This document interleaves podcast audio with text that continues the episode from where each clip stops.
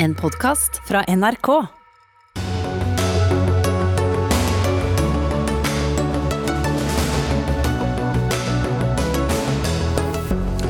Utenlandskfødte fra Afrika og Asia bør være blant de prioriterte når vaksinene skal deles ut, mener leger.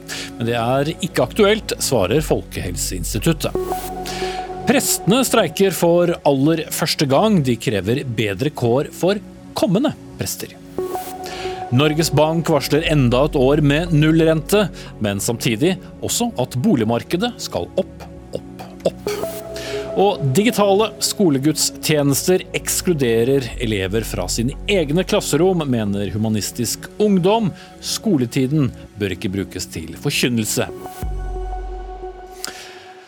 Da sier vi god kveld og velkommen til torsdagens Dagsnytt 18. Jeg heter eh, Espen Aas. Senere i sendingen skal vi innom eh, forslag om jakt- og fiskeforbud i eh, nasjonalparker, og også nyheten om at Russland nå har fått halvert antall år som landet skal utestenges fra OL og VM. Men først. I dag ble det kjent at vi starter vaksineringen mot eh, covid-19 her i landet om ti dager, altså fra den 27. desember. Folk som er født i Afrika og Asia bør være blant de prioriterte når vaksinen skal deles ut. Ja, det var eh, hovedbudskapet i en kronikk gjengitt i avisen Klassekampen i dag. Konsekvensen ved å ikke gjøre det, er at antallet alvorlig syke og døde vil øke, advarer kronikkforfatterne. En av dem er deg, Anne Kveim eh, lege og førsteamanuensis ved Institutt for helse og samfunn ved Universitetet i Oslo. Hvorfor mener dere at denne gruppen skal prioriteres? Nei, altså det, eh, Hvis jeg får starte med det, så må jeg jo si at eh, medie, eh, mediene har presentert Norge som annerledeslandet. For alle land vi liker å sammenligne oss med, har sett at det har vært både en økt andel smittede og en økt andel alvorlig syke og døde blant etniske grupper. I Norge så har dette blitt fremstilt som at det ikke er sånn her. Vi har økt andel smittede, men ikke alvorlig syke og døde. Og I en rapport som ble utgitt i, i av Folkehelseinstituttet 4.12, så fremkommer det Det er små tall, men det fremkommer noe som tyder på at dette ikke stemmer. Mm. Eh, og, og, årsakene er ikke etniske, men sosioøkonomiske? Ja, Det vet vi jo ikke. Og det er jo noe av det som eh, vi som Folkehelseinstituttet sier. De gjentar det. Vi vet ikke årsakene. Vi lurer litt på hvorfor man ikke har gravd litt mer i årsakene. Eh, for dette er data man må kunne ha sittet på en stund, er i hvert fall noe av det. Så vi lurer på hvorfor Helsedepartementet ikke har bedt om, eller direktoratet har bedt om disse tallene før.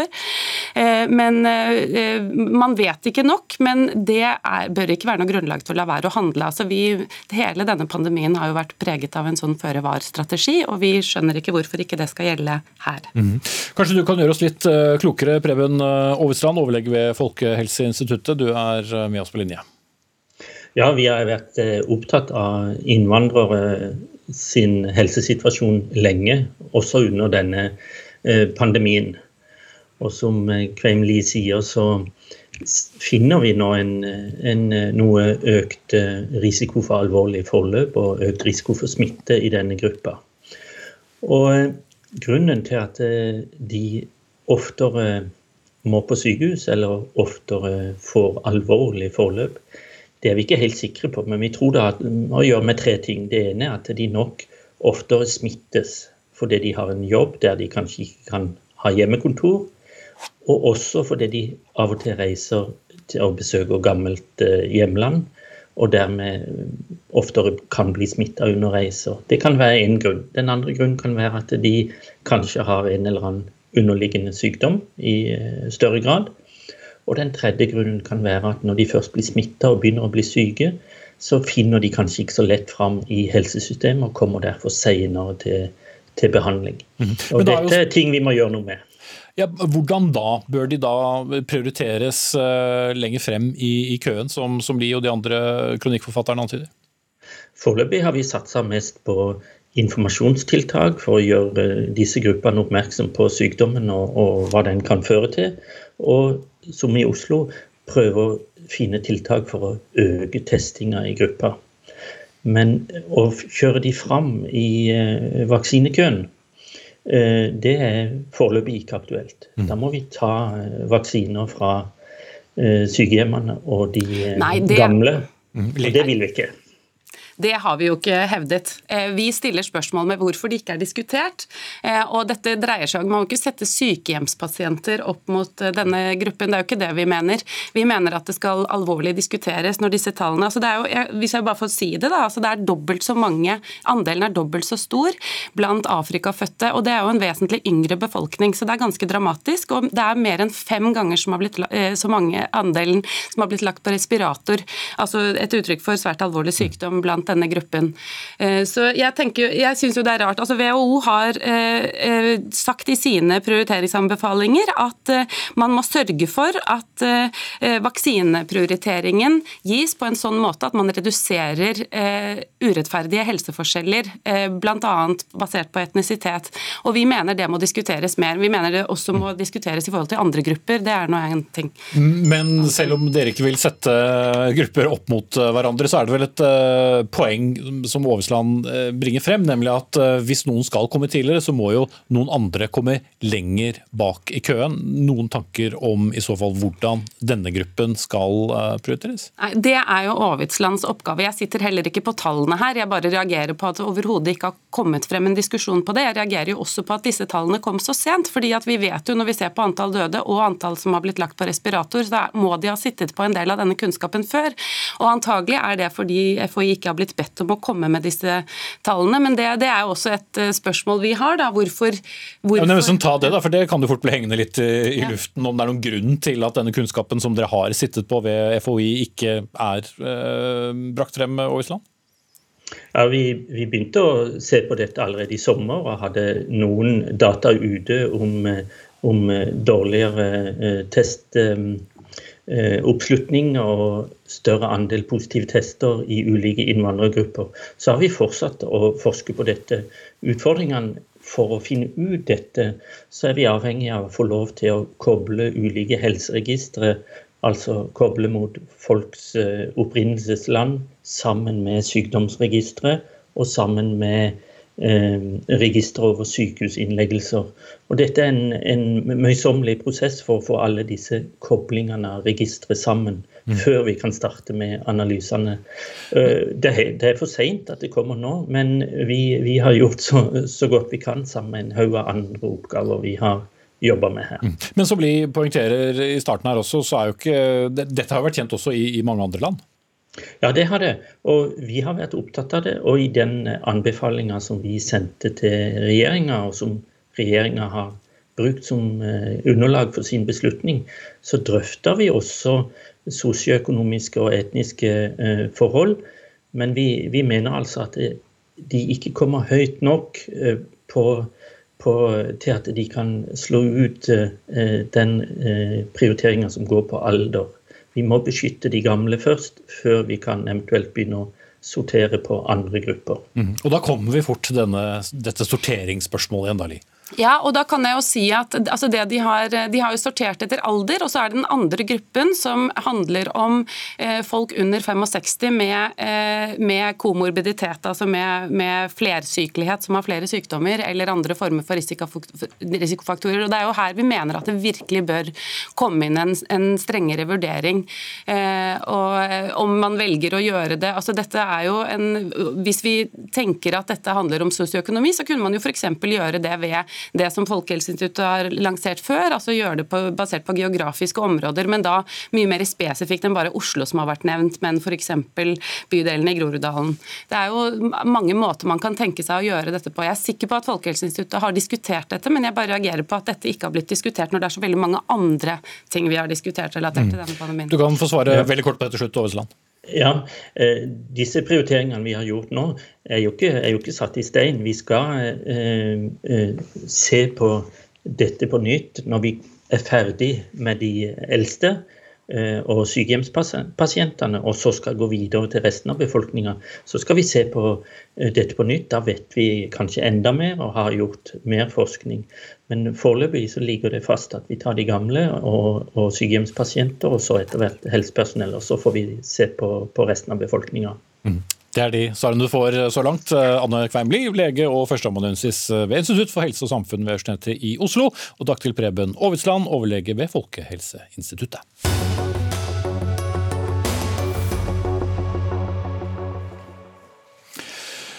Så til en eh, for mange både overraskende og tidvis dramatisk hendelse i går, da om lag 50 ferger og hurtigbåter fra Rogaland i sør og til Finnmark i nord ble kalt inn til land. Årsaken var at Sjøfartsdirektoratet nektet fartøyene fra rederiet Boreal å seile. Men så noen timer senere, ved 23-tiden i går kveld, så ble denne seilingsnekten opphevet, og i dag kan kyst- og øysamfunn igjen forholde seg til at fergen går som normalt. Men Dag Inge Aarhus, du er kommunikasjonsdirektør i Sjøfartsdirektoratet. Det var jo store oppslag da det stoppet opp, og like store oppslag da det begynte å seile igjen. Hva var det som skjedde i løpet av disse timene? Nei, Det som eh, skjedde var jo at eh, når man hadde hatt denne revisjonen, så var det jo riktig som du innleda med, at uh, dette sertifikatet, sikkerhetsstyringssertifikatet til rederiet ble trukket tilbake, som igjen fikk konsekvensen at båtene måtte gå til land. Og så er det jo sånn at Da begynner rederiet å jobbe med en plan for hvordan de skal få dette i orden igjen og kunne jobbe videre. Vi ble lovt den planen i løpet av kvelden, og vi hadde folk på jobb her for å sikre at hvis den planen kom inn, så kunne fagfolkene våre, som òg hadde deltatt på revisjonen, gå gjennom planen og se om den var akseptabel med tanke på de funnene som var gjort, som førte til at de ble lagt til kai. Eh, og Den eh, dokumentasjonen kom inn ca. i titida, og vi brukte en god time på å gå gjennom det med fagfolkene våre, og kunne da akseptere at det, vi så at de hadde tatt saken på alvor, at det ble iverksatt tiltak for å utbrede de funnene. Og Dermed fikk de en midlertidig tillatelse i tre måneder nå, sånn at de kan starte opp igjen ruteproduksjon. og og, og, på en måte skal jobbe videre med de funnene som vi har påpekt i mm. revisjonsrapporten vår. Og så har dere da gått ut med flere konkrete eh, eksempler både på ulykker og hendelser som har skjedd med fergene til rederiet. I et eh, tilfelle så seilte fergen Husøy med delvis åpen bauport 55 nautiske mil på Helgelandskysten uten at rederiet meldte dette forskriftsmessig til dere. Og i et annet tilfelle krasjet fergen Alsten inn i fergekaien. Også dette uten at dere fikk beskjed innen fristene som er satt. Men er det bare da forsinkelse i rapporteringen som, eh, til dere som er problemet her? Nei. Eh, dette viser jo at det er problemer og utfordringer med på en måte den eh, risikovurderingen som rederiet skal gjøre. og Det at de ikke rapporterer til oss kan gjerne høres ut som en bagatell, men en rapport til oss vil også medføre at vi setter i verk tiltak. Vi kan sende ut inspektører for å se på saken. Vi kan følge det opp mot rederiet, men det er jo litt vanskelig når dette ikke blir rapportert på en god måte. Og Da eh, varsla vi rederiet i november at vi kommer til å gjennomføre en eh, tilleggsrevisjon. og Den ble jo gjennomført i går. og Vi ser jo der at det er eh, mangler ved sikkerhetsstyringen i rederiet.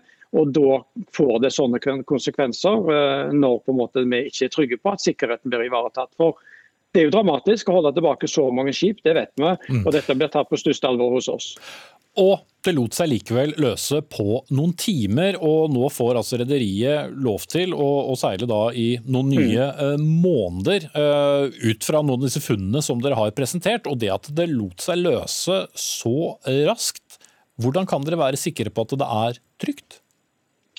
Nei, Det er vi ut ifra den, eh, den, planen som kom inn til oss. Det viktigste for oss der er jo å se at de både iverksatte konkrete tiltak. Blant annet så skulle alle kapteinene varsles i går kveld med bekreftelse tilbake til rederiet at de hadde fått denne planen og visste hva som skulle gås gjennom. Eh, I tillegg så så, så vi òg både i møter med rederiet i går kveld eh, sammen med ledelsen der, og i den rapporten som kom inn til oss, at nå så de alvoret i dette og tok det på alvor. og Da da var det mulig for oss å si at ok, da aksepterer vi den oppfølgingsplanen og gir de en mulighet til å starte produksjon igjen. Mm. Dramatisk eh, som eh, du nevnte her. Vi skal videre til deg, Elbjørg Larsen. Du er ordfører i Herøy kommune i Nordland. Kommunen ligger i, i havgapet på, på, Helgeland, og du ble selv rammet av denne fergestansen. Forklar eh, kort hva som skjedde. Ja, jeg var jo i, i Sandnessjøen, og så er det sånn at vi trenger ferje eller hurtigbåt for å komme over til min kommune. Så eh, jeg sto der, men eh, det er jo ikke så, så viktig for en person og persontrafikken over. Men det som eh, var veldig spesielt, det var at denne beskjeden kom helt plutselig. Og eh, får da store eh, konsekvenser eh, for både næringsliv og andre i kommunen. Men noe som helst form for forvarsel var det ikke? Nei, Det var ikke noe forvarsel. Og, Jeg kan jo bare ta dere med en liten tur inn i min kommune og, hva det vil bety for en stor bedrift, et lakseslakteri som Movi er hos oss. I går kveld så sto det 17 trailere igjen og ikke kom over på markedet dit han skulle. Og I dag så hadde jo selvfølgelig hopa seg opp, så 24-25 eh, trailere over i dag måtte vi ha fått over. Og det er dramatisk. Det er store verdier vi snakker om. Så for næringa her så er det utrolig viktig at vi har forutsigbarhet i de, de ferjetransportene som skal gå over. Og spesielt var det selvfølgelig at vi ikke hadde forvarsel. Mm. Verken for næring eller for persontrafikk. Og Da må jeg jo stille deg spørsmålet, Larsen. Hva synes du om håndteringen fra Sjøfartsdirektoratets eh, side, siden vi har de med her? Jeg tenkte Det som var spesielt, det var jo at vi plutselig fikk en stopp, og så gikk det en liten stund, og så var man i gang igjen. Det jeg skulle ønske meg, og det er kjempeviktig, det er for en ordfører eller hvem det er, så er informasjon utrolig viktig til folk, sånn at de vet hva de har å forholde seg til. Så det savner jeg veldig. Mm. Vil du eh, forsøke å svare på det, Århus? Var det noe dere kunne gjort annerledes når det gjaldt informasjonsarbeidet her, siden det gjaldt såpass mange? Ja, Det har jeg veldig lyst til å kommentere, pga. at dette handler om sikkerhet. Og Når vi går på revisjon eller tilsyn, i likhet med alle andre tilsyn og sikkert også kommunene, så er det ikke alltid at en vet på forhånd hva en finner. Eh, og så er det sånn at Når disse funnene ble avdekket, og det viser seg at det var såpass alvorlige svikt i sikkerhetsrutinene, så har ikke vi noe annet valg enn å trekke tilbake sertifikatet umiddelbart. Vi har ikke lov i regelverket å utsette dette for til klokka tolv neste dag. Men vi var tidlig ute allerede mens dette Teams-møtet der vi gikk gjennom revisjonsrapporten pågikk.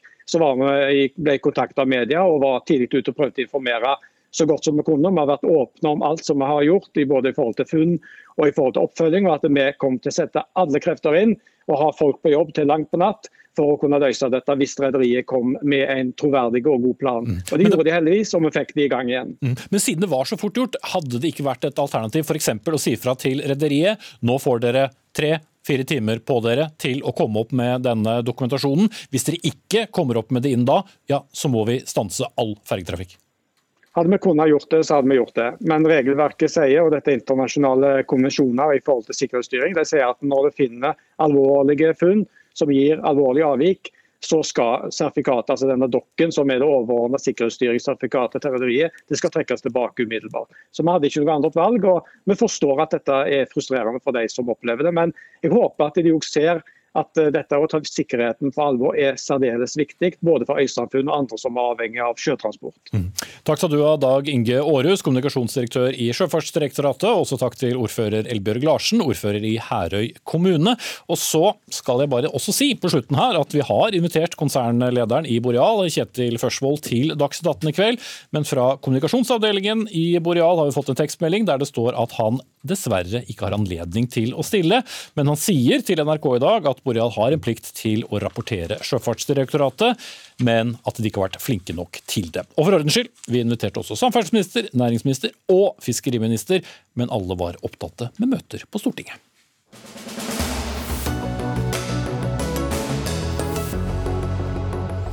Og så kom også en overraskende beskjed for mange i ettermiddag. For Russland utestenges fra internasjonal idrett i to år, og får altså halvert straffen som egentlig var på fire år. Det bestemte idrettens voldsgifterett, KAS, i dag. Russland får dermed ikke delta i sommer-OL neste år, eller vinter-OL i 2022, eller verdensmesterskap innenfor denne perioden. Anders Solheim, daglig leder i Antidoping Norge en halvering av den opprinnelige avgjørelsen. Hva slags signal sender dette? Vi syns de slipper altfor billig unna med det. Det som er bra, er at de har bekrefta at dette er tidenes dopingskandale i russisk idrett. Eh, men å slippe unna med to år, det syns vi er for billig. Eh, og særlig med tanke på at det gjelder kun OL og paralympisk og VM. Eh, og Det gjelder da kun at man ikke får delta under russisk flagg. Man kan fortsatt delta som nøytrale utøvere fra Russland, og man kan delta i de russiske farger. Sånn at eh, da begynner det å bli ganske en uthulet straff, kan vi vel si. Mm. For Hvis vi spoler litt tilbake til utgangspunktet, så er det jo en veldig alvorlig sak vi snakker om. Men så har utfallet ja, blitt langt mildere enn det først så ut som. Ja, Vi har jo holdt på med dette nå i fem-seks år. Det var jo i forbindelse med OL i Sotsji i 2014, hvor det var manipulering av dopingprøver. Eh, det dukka opp igjen i 2018, hvor man skulle levere over eh, prøver som var eh, oppbevart i Russland, hvor det igjen var manipulering og juks med prøvene. Og I hele denne perioden så har ikke, så vidt jeg har fått med meg, på noe tidspunkt russerne bidratt til å opplyse saken og gi informasjon om hva som faktisk har skjedd, eller det vi på norsk ville sagt legge korta på bordet. Og Nå får de igjen to nye år til å legge korta på bordet. Eh, sånn at det forundrer meg. Mm. Ja, Sportskommentator her i NRK, Jan Petter Saltvedt. Har vi fått noen god forklaring på hvorfor det bare ble to år? Nei. Og Det er jo noe av det interessante her. De har eh, gått gjennom sakskomplekset. Sagt at eh, manipulasjonen har foregått akkurat som Wada sa da de kom fram til utestengelsen på fire år, men funnet ut at to år er en eh, akkurat passe straff for systematisk eh, doping eh, gjennom altså en årrekke. Det er avslørt tilbake til 2014. Man kan bare spekulere i hva som har skjedd før den tid. Men ligger det likevel ikke en viss form for ydmykelse da i de mesterskapene som er der, selv om åpenbart signalet om at dette settes ned fra fire til eh, to år står der for enhver som eh, har fulgt med på saken og, og, hører det om igjen i dag. Reaksjonene fra Russland kommer nok til å fortsatt gå på at eh, dette er en vestlig sammensvergelse. og Man kan jo snakke om den litt lavere grad av nasjonale stolthet ved å ikke få sitt flagg eller den kanskje flotteste nasjonalsangen i verden spilt av. Men de reelle konsekvensene er nå så totalt minimalisert når vi begynner å lese oss ned i eh, dagens dom. Så som vi ser det, så vil omtrent samtlige av de som russerne normalt ville sende til disse olympiske lekene i Asia, først i Tokyo og så i Beijing, kunne dra. Det er et eh, fotball-VM i Qatar i 2022 som de ikke får muligheten til å kvalifisere seg til. Det er nok en i øyeblikket større reell konsekvens, men eh, IOC har fått viljen sin, og russerne ler nok ganske godt uh, idet de får skrudd av mikrofonen i dag. Ja, Solheim, tilliten til IOC etter dette? Dette er jo en dom som er fastsatt av KAS. og jeg syns at man bør eh, gjennomføre det for, med åpne høringer, sånn at alle får hørt hvilke bevis som blir fremført, og kan ta stilling til om dette her er korrekt eller ikke. Eh, det så har ikke vært tilfellet. Det syns jeg er synd, og det er jo en ting som jeg håper IOC og WADA og de som lager regelverket for Kass er med og endrer og bidrar til å endre. Mm. For Reaksjonen i norsk idrett har jo vært voldsomme nå bare i løpet av disse timene som dette er, er kjent, og dette kommer til å få bølger utover hele. Det er et fryktelig dårlig signal til eh, alt det arbeidet Anders Solheim og alle de andre som driver med antidopingarbeid, eh, når man skal få lov å holde på som eh, russerne har gjort, og at dette skal være sanksjonen fra det som i øyeblikket er den øverste domstol innenfor idretten, er ikke, dette er ikke noe lykkelig dag for antidopingarbeidet på verdensbasis. Mm. Takk skal dere ha, begge to. Jan Petter Saltvedt, sportskommentator her i NRK, og Anders Solheim, daglig leder i Antidoping Norge.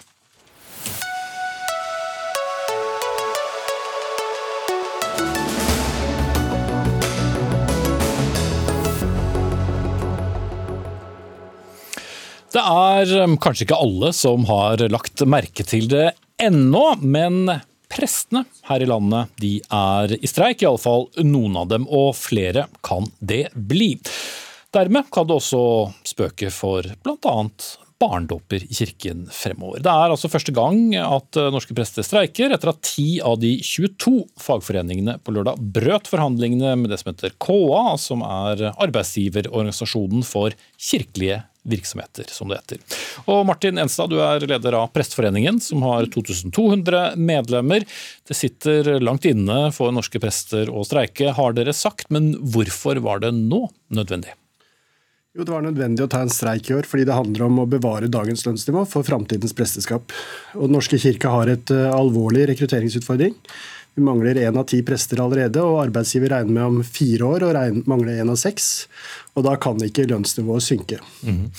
Og her er det noen ganske sånne konkrete saker eh, det gjelder, hvis du kort kan forklare det for eh, publikum vårt, som, som er de viktigste sakene for dere? Ja, De viktigste sakene er jo på en måte garantilønnen for, for prester, eh, som da vil kunne bli 40 000-60 000 lavere. Eh, og det, det, er jo også sånn at det som foreslås fra arbeidsgiver, gjør at prester som har en seksårig utdannelse, vil få en lavere garantilønn i kirken enn de som har en femårig mastergrad. Da utfordrer man jo hele lønnssystemet for utdanningsgruppene i kirken. Mm. Ja, Marit Halvorsen Haugsnes, administrerende direktør i, i KA, altså den arbeidsgiverorganisasjonen. Hvorfor er dette rimelig? Altså først må jeg si at vi fullt ut respekterer eh, prestenes rett til å streike. Det er viktig for meg å si først. Det vi har vært veldig overrasket over, det er argumentasjonen som har vært brukt for å ta streikevåpenet i bruk.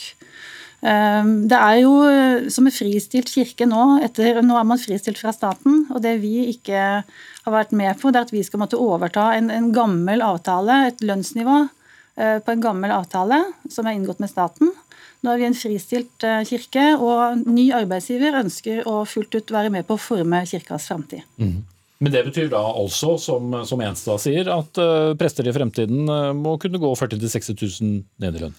Nei, vi er ikke enig i den måten å beskrive det på. For det laveste lønnsnivået som man kommer inn på, det er det man også har arvet fra staten, som ligger der fortsatt. Um, så det er, ikke, det er ikke vår oppfatning av virkeligheten. Mm. Men du er enig i at det vil være et annet lønnsregime? Ja, altså Fra 1.9. neste år så bortfaller denne kompensasjonsordningen som har vært utløst av en historisk bopliktsituasjon. Så det vi har ønsket, da, det er jo at vi må sette oss ned i fellesskap og finne ut hvordan vi skal løse eh, rekrutteringssituasjonen, for, særlig for nye prester. Det er vi helt enige om. Eh, men det vil vi gjøre på et fritt grunnlag og på nytt. og Derfor foreslår vi et partssammensatt utvalg for å jobbe sammen om det, for å finne nye løsninger på framtida. Mm. Ja, for det dette handler om, Enstad, er jo at Tidligere så fikk man da eh, en bolig eh, som prest, så falt det bort. og Så skulle man få en kompensasjon for, for dette som en del av lønna, og nå faller det også bort. Det er det som er hovedpoenget her. Ja, så når jeg reiste som ny prest i Nord-Norge, i Vesterålen, i 2004, så fikk jeg min lønn, og jeg fikk en bolig på 270 kvadrat som var i god stand land, eh, hvor jeg kunne ta med min familie, til, og den kosta litt mer enn studenthybelen min i Oslo. Eh, og Så bestemte staten at, eh, at, boligen skulle bort, og man skulle få en lønnskompensasjon. Og Hvis man ikke beholder det nivået som kompensasjonen da ga, så betyr jo det at vi er tilbake til det lønnsnivået vi hadde den gangen vi hadde, hadde rimelig bolig. Og Det som er utfordringen med dette, her er jo at det skaper en følelse av urettferdighet i kollegiet. Altså Hvorfor skal det være 40 000-60 000 i forskjell på om du er ansatt 31.8. og 1.9.? Eh, og det skaper, eh, så, så, For oss som er i streik, da, så handler det lite om vårt lønnsnivå, men det handler om lønnsnivå fordi vi ønsker å rekruttere til kirkelig tjeneste. Mm. For de som måtte lure på det, bare stille spørsmålet. Hva, hva er gjennomsnittslønn for eh, en prest i dag, hvis vi skal ha tall å forholde oss til? Jeg skal bare innrømme at Gjennomsnittslønn har jeg ikke, meg, har jeg ikke med meg, men, men altså begynnerlønnen for en en, en, ny kapellan den er 502 000. Eh, og i, hvis da det blir som arbeidsgiver, så vil den være 462 mm. Vil det være noe som eh, får folk til å tenke at eh, de vil ta prestegjerningen? Du, nå, nå, tror jeg både KA og Presteforeningen er skjønt enige om at presteyrket er et veldig fint yrke. Og jeg vil, altså, Selv om vi er i streik nå, så må jeg utkvittere Dere har laget en veldig bra kampanje som heter 'Bli min kollega'. Jo, jo, men hvis vi holder oss til poenget da, og rekrutteringen av, av, nye prister, så vi kan heller ta lovordene på utsiden. Lønn er også en del av de tingene vi er nødt til å finne løsninger på for framover. Eh, men vi vil ikke gjøre det med en, en ordning som er utvikla på, på, bakgrunn av noe annet. Vi vil sette oss ned nå og gjennomtenke det i fellesskap. Mm. Og finne en bærekraftig og rekrutterende lønnspolitikk for framtiden. Mm. Men du er vel enig i resonnementet til Enstad at dersom i hvert fall historiefortellingen blir at uh, det blir mindre og mindre lønnsomt å bli prest, så er vel ikke det noe som kanskje øker rekrutteringen? For... Nei, det er jeg helt enig i, faktisk. Mm. Ja.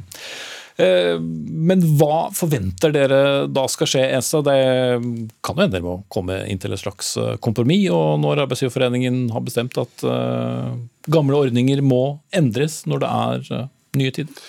Nå var det sånn, Kirken overtok jo ikke bare de ansatte, den overtok også et budsjett. sånn at Dette var jo penger som var tilført kirkebudsjettet før virksomhetsoverdragelsen ut av staten.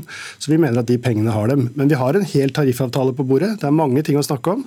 Og jeg er sikker på at vi Eh, det er ingen i kirkelig sektor som syns dette er en lykkelig situasjon. Eh, så i den grad det er mulig å finne løsninger, men den ballen mener vi ligger hos arbeidsgiver. Ja, og vi har jo sett innlegg bl.a. i avisen Vårt Land fra, fra prester som, som helst ikke uh, vil streike. Nå er vi jo inne i en spesiell situasjon, sånn at publikum merker jo i mindre grad under koronapandemien at uh, prestene ikke er der. Ei heller er det så mange. De fleste er vel tatt ut i Oslo-Viken-området. Mm. Men hvis dette nå blir fastlåst, vil det utvides? Ja, vi skal, altså Streiken er varsla utvida. sånn at Fra lørdag så tar vi ut eh, fire nye prester. Eh, og fra 22. så tar vi ut eh, to i Kirkerådet, fra oss som da er tilhører Unio. Og Så håper vi jo at vi skal komme fram til en løsning, men som sagt, den ballen mener vi ligger hos arbeidsgiver. Mhm. Hva slags konsekvenser kan denne streiken få på lengre sikt, hvis den vedvarer? Nei, For det første så deler jo jeg eh, Presteforeningens ønske om at vi må, vi må, finne en løsning. Eh, det er vi eh, veldig opptatt av, av, av mange grunner. Skulle denne bli langvarig, så tror jeg den først og fremst rammer Kirken som helhet. Det slår tilbake på hele virksomheten og på prestetjenesten. Mm. jeg mener det rammer hardest arbeids, altså Kirkens omdømme som arbeidsgiver. Mm. Vi kan i hvert fall slå fast at det holder ikke med lovnad om lønn i himmelen? Nei, regningene kom på denne siden av evigheten. Mm. Takk til Martin Enstad, leder av Presteforeningen, og Marit Halvorsen Haugsnes, administrerende direktør i KA.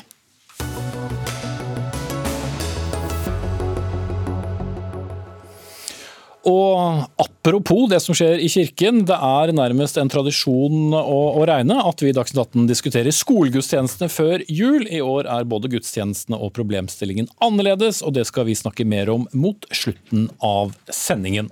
Men nå skal vi til Norges Bank, eller snakke om Norges Bank. For selv om sentralbanksjefen lar renten stå uendret, slik alle for så vidt også regnet med, så varslet sentralbanken at renten skal sakte, men sikkert opp, om enn først fra første halvår 2022. Altså null rente i lang tid fremover også.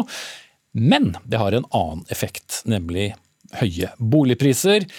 Boligprisveksten blir på 6,7% neste år. Cecilie Lange Becker, økonomikommentator her i NRK at sentralbanksjefen fremskynder denne rentestigningen eh, noe. Hva forteller det om eh, tilstanden for norsk økonomi, for det er jo det underliggende her?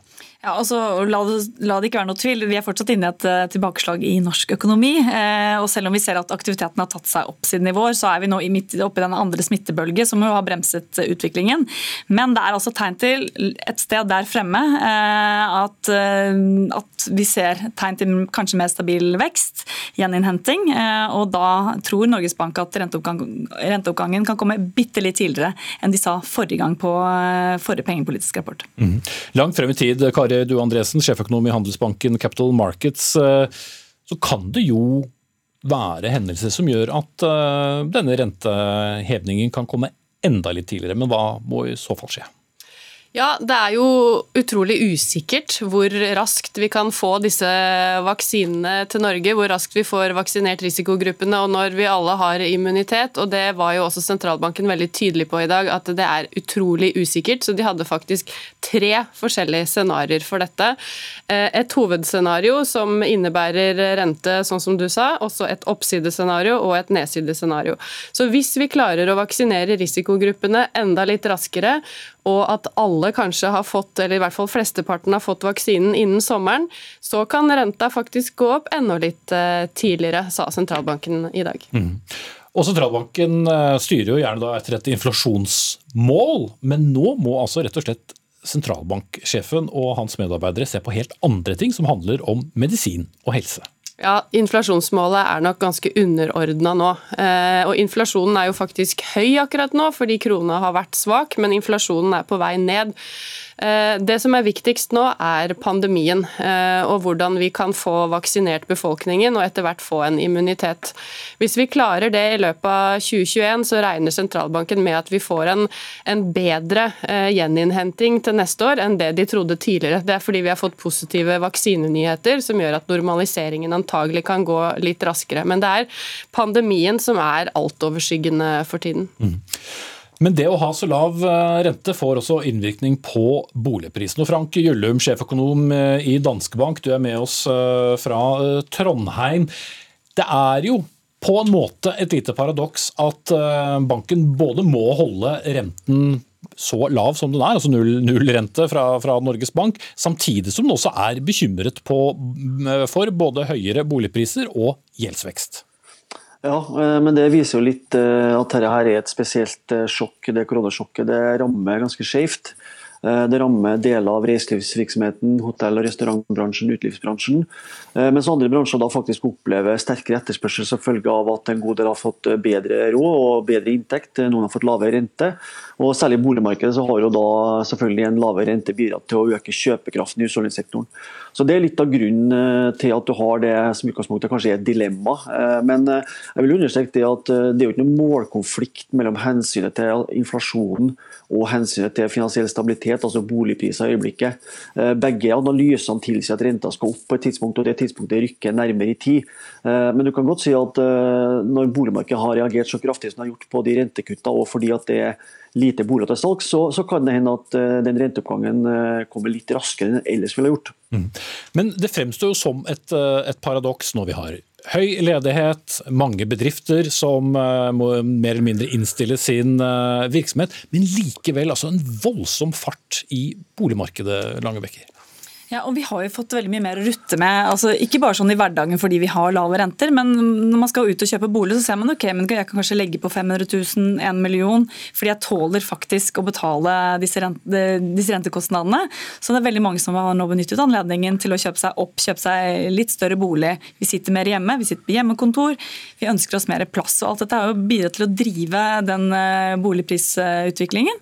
Og så er det også da mange som har benyttet anledningen til å refinansiere lånene sine når man har fått boligprisvekst, og kanskje kjøpt seg hytter eller eh, bil eller båt og alle disse tingene. Og Det bidrar jo til å forsterke forskjellen mellom eh, de av oss som har faste, trygge jobber, eh, og de som kanskje ikke har disse, som kanskje er permittert, som kanskje står utenfor boligmarkedet. Så skillet er i ferd med å bli ganske stort.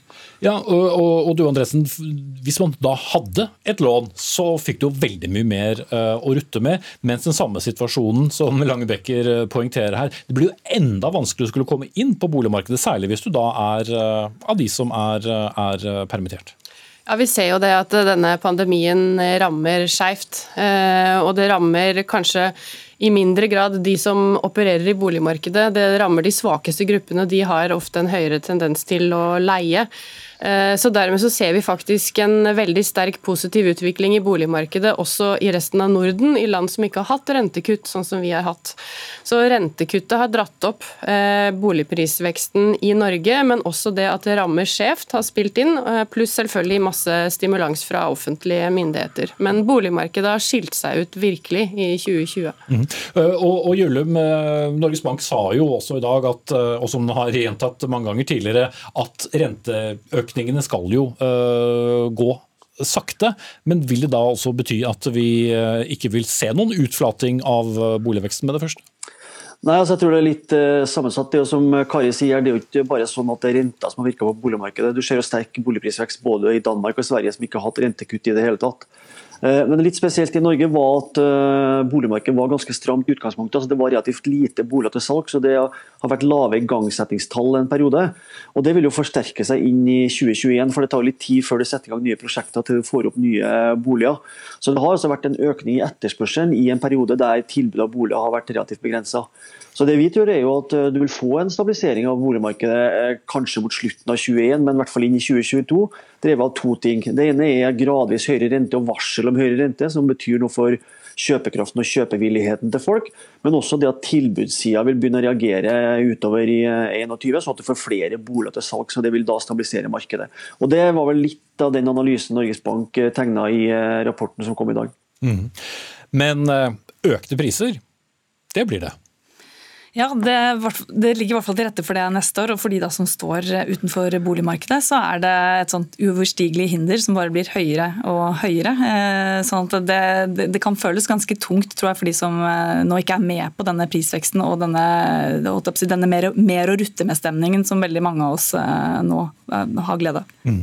Og vi må jo da mange tiår faktisk tilbake i tid for å se noe som har lignet på en ordentlig korreksjon i, i boligmarkedet, og det er det vel ingenting som tyder på at skal komme nå, du Andresen? Nei, jeg, jeg, tror ikke det. Eh, vi tror at eh, det er fortsatt litt igjen av den renteeffekten fra rentekuttet tidligere i år, sånn at det rentekuttet vil fortsette å trekke opp boligprisene litt inn i 2021.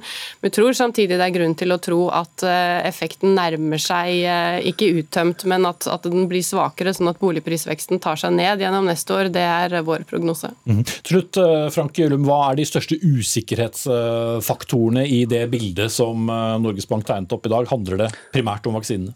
Ja, jeg tror det. Og det er liksom litt todelt. Det ene, den virkelig store usikkerheten, det går på om de vaksinene som nå har kommet til markedet, om de er så effektive med så lite bivirkninger som det testresultatet har vist. Skulle det vise seg at dette er mye mindre effektivt, eh, eller at det blir mer bivirkninger, sånn at du ikke får den normaliseringa av aktiviteten og samfunnet utover i 2021, så risikerer du å få en mye mer langvarig og dypere krise. Så Det er den liksom langsiktige, virkelig alvorlige neserisikoen. Eh, den andre er litt eh, mer på kort sikt, eh, som egentlig bare betyr en forskyving av, av hele renteoppgangen og bedring av økonomien.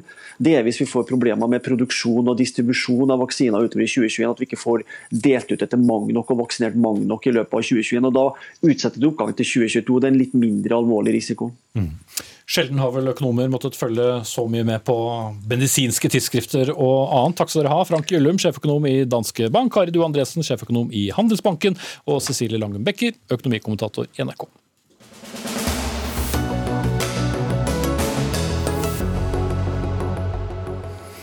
Da skal vi ta et uh, solid temaskifte, vil jeg si. Uh, spørsmålet er uh, bør det drives jakt og fiske også i alle våre 47 nasjonalparker, som vi kan i dag.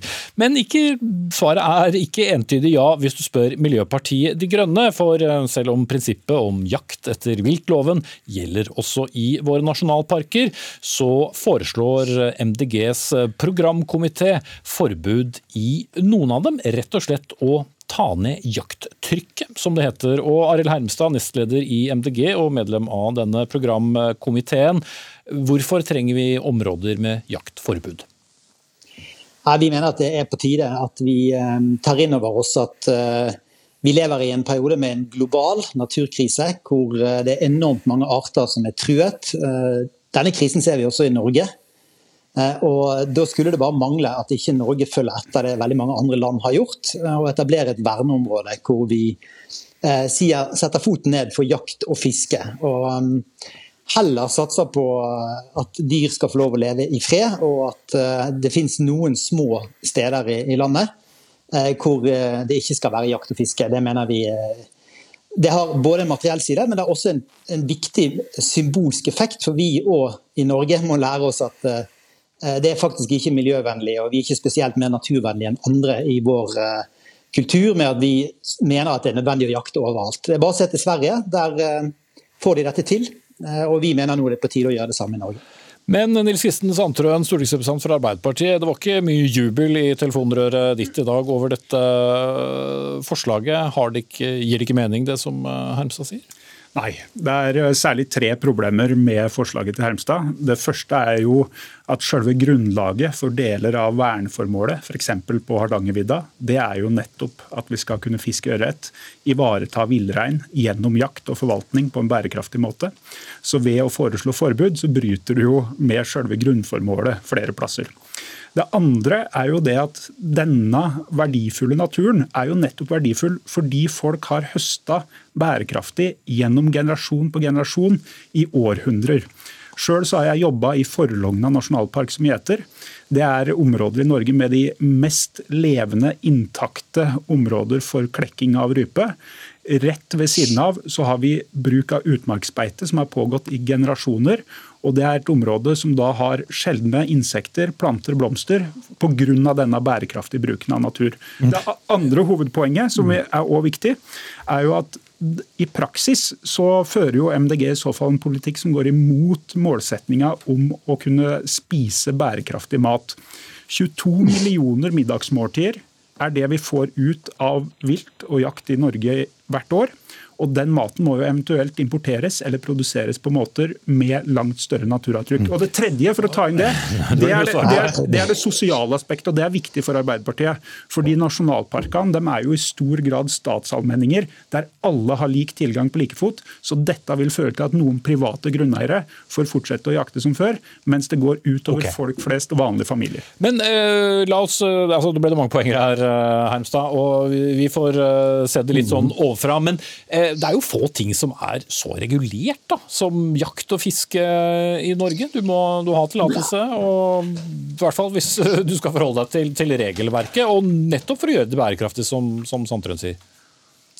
Altså, jeg må jo bare arrestere Sandtrøen på én ting. fordi at uh, Veldig mange av nasjonalparkene våre har jo vernebestemmelser som går ut på at man skal ivareta økosystemene. At man skal ta ivare, ivareta biologisk mangfold med dyr og planter. Uh, og Globalt så er jo jakttrykk en av de store uh, En av mange faktorer som ødelegger for dyrelivet vårt.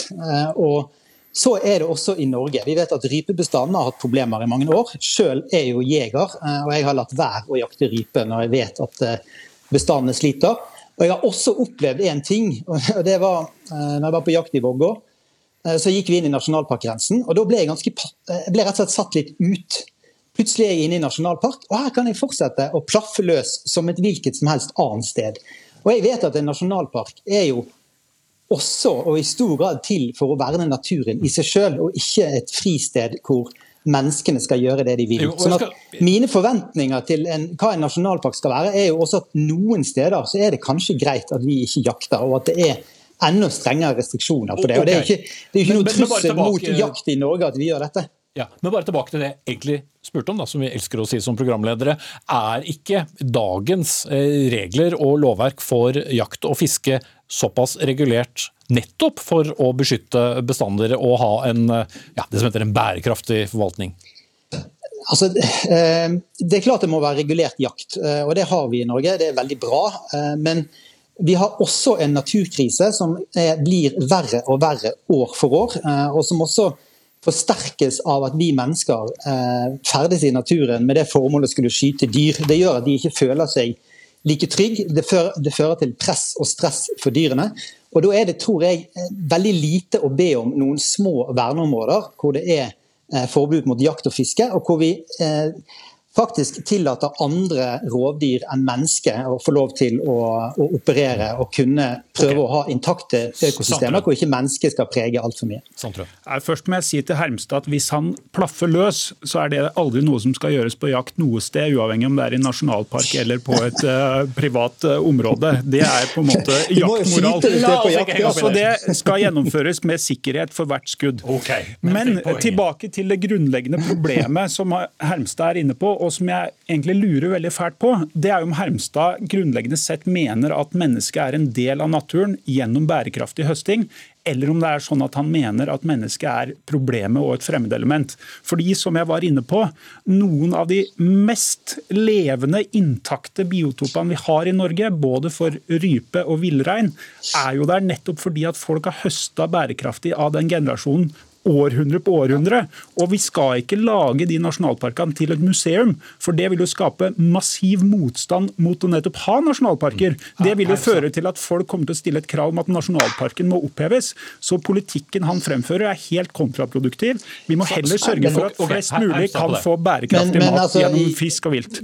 Du kan bare dra til Sverige. Der er 20 av 30 nasjonalparker der, hvor det ikke er lov å jakte. Og det går helt fint. Det er ikke sånn at ikke svenskene vil ha mer eh, vern på samme måte som her i Norge. Men du må svare på om mennesket er en del av naturen eller et problem. Er mennesket en altså, naturlig del av naturen, eller er mennesket det grunnleggende problemet og et fremmedelement? det må du kunne gi et enkelt svar da på. Du, da kan du lese Naturpanelets rapport. Nei, jeg spør deg hva du mener om mennesket er en del av naturen. En av gangen så blir folk vondt i ørene.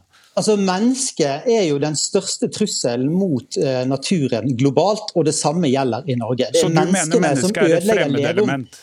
Nei, det er menneskene som ødelegger leveområdene. Vi kan velge som mennesker å operere på naturens premisser, eller vi kan late som om alt det vi gjør, er i tråd med eh, naturens premisser. Og du vet like godt som meg at mange leveområder til eh, jaktbart vilt, vilt. Eh, mange leveområder til viktige dyr og planter de er under sterkt press nettopp fordi at menneskene vil bygge hytter, vi vil bygge motorveier, eh, vi bygger ned stadig mer villmark. Og den, det, det, må vi jo faktisk slutte med på et eller annet tidspunkt, og vi mener vi har kommet til det tidspunktet. Vi mener det er riktig å si et symbolsk eh, nei. Noen steder så går det an å la være å jakte. Og Vi mm. snakker om ikke... bitte små flekker på kartet, og ikke ja, svære sammenhengende områder i Norge, hvis, det, hvis, du er redd for det. Ja, Svar på det til slutt, eh, Sandtrøen. Å ha noen ø, områder er jo ikke det samme som å forby all jakt og fiske? For det første er dette av de største sammenhengende landarealene vi har. Det er jo nettopp de fjellområdene som folk er veldig glad i, så det er store områder det er snakk om. For det andre så får jeg som konklusjon her at Hermstad syns mennesket er et fremmedelement og et grunnleggende problem. Der er vi helt uenige. Arbeiderpartiet har et positivt syn på folk, og vi mener at mennesket er en del av naturen. Og Da må jeg bare avslutte med å si følgende. De mest bærekraftige måltida jeg har spist hele denne høsten, det er fjellørret og rype fra Kvikne. Det er ingenting ingenting av de måltidene jeg har spist som er i nærheten av å være så skånsom mot natur og miljø som de to måltidene. Ok, Så får dere der hjemme uh, finne ut hvem som hadde de mest treffsikre argumentene av Arild Hermstad fra MDG og Nils Kristen Sandtrøen fra Arbeiderpartiet.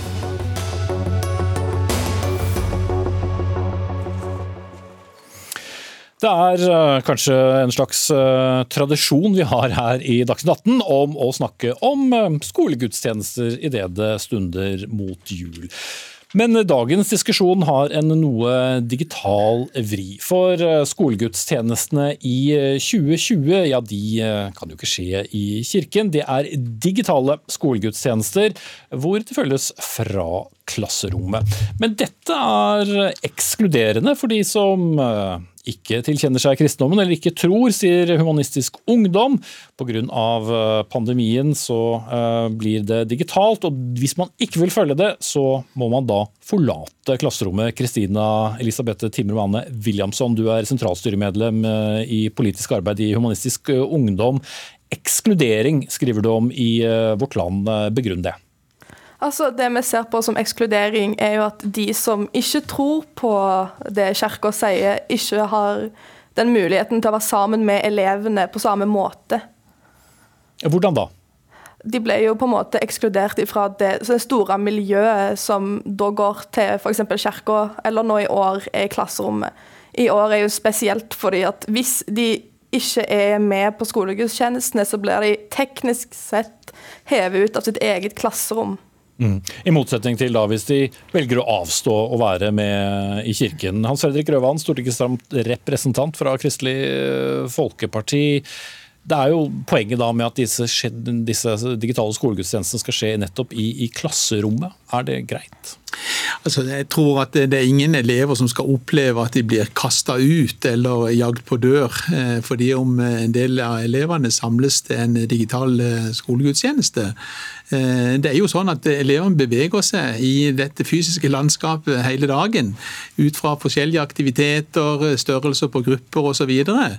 så det å bevege seg fra, fra, et rom til et annet rom, det kan være like godt de som, som ønsker å være på gudstjenesten, som må flytte ut av klasserommet. Så jeg tror ikke det er en opplevelse som vi har fått tilbakemelding om. Tvert om så opplever jeg jo at eh, kirka og skolen har klart å samarbeide om nye tekniske løsninger som eh, utløser større kreativitet, deltakelse på en annen måte, samtidig som en ivaretar smittevernreglene på en god måte. Mm. Og Det vil jo være veldig underlig hvis eh, elevene skal feire jul uten å vite hvorfor de feirer jul. Så det å kunne ta i bruk litt andre metoder tror jeg ikke vil føre til noe mer ekskludering. Jeg tror de blir tatt godt vare på, og gjennom gode alternative opplegg som de skal ha krav på. Ja, eh, Williamson, eh, er dette et eh, stort problem, eller er det prinsippet her som er viktigst for deg? Altså, Når det kommer til digitale skolegudstjenester, så ser vi på det som at det er samme problematikken som om det er vanlige skolegudstjenester. Uh, ja. ja. Men er det ikke også et lite poeng som, som Grøvan har? Det er jo en tradisjon med disse skolegudstjenestene, nettopp fordi vi skal inn i en eh, julehøytid. og så Enten bekjenner man seg til det og er med på det hele, eller så gjør man ikke det. Og så har man muligheten til å, å ta seg en, eh, en tur ut eller henge i gangen, eller hva man nå gjør når man ikke er med på en digital skolegudstjeneste.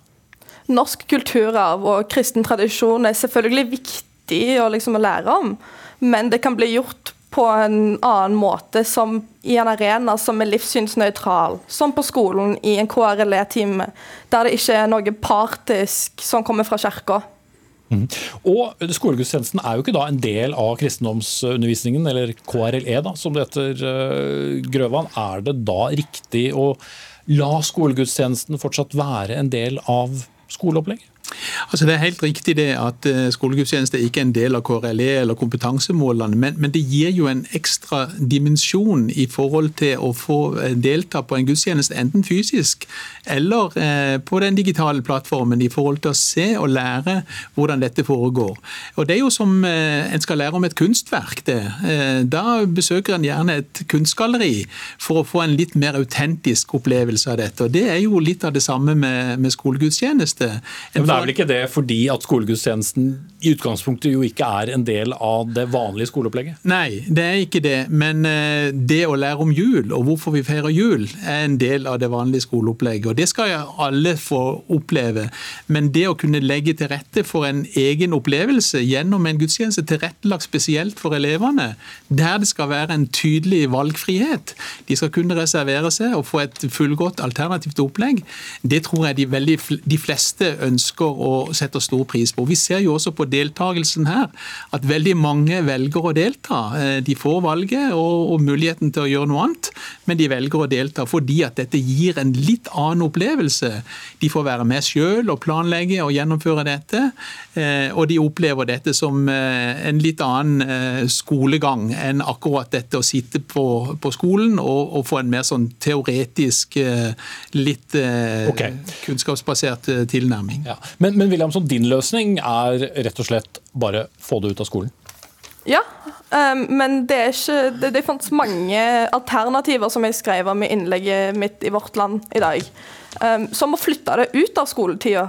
Det, det, trenger ikke å avskaffes, men de kan flyttes ut sånn at de ikke tar opp viktig læretid. Mm -hmm. eh, men da er det ikke lenger en skolegudstjeneste i så fall?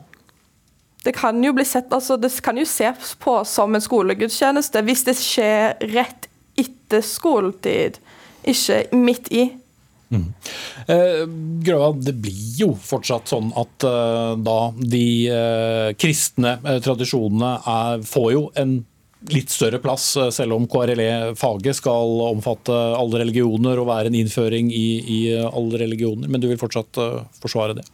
Ja, så Det er jo fordi at vi har en overordna del for norsk skole i forhold til at en skal få innsikt i, i den tradisjon, kulturarv, som vi er en del av.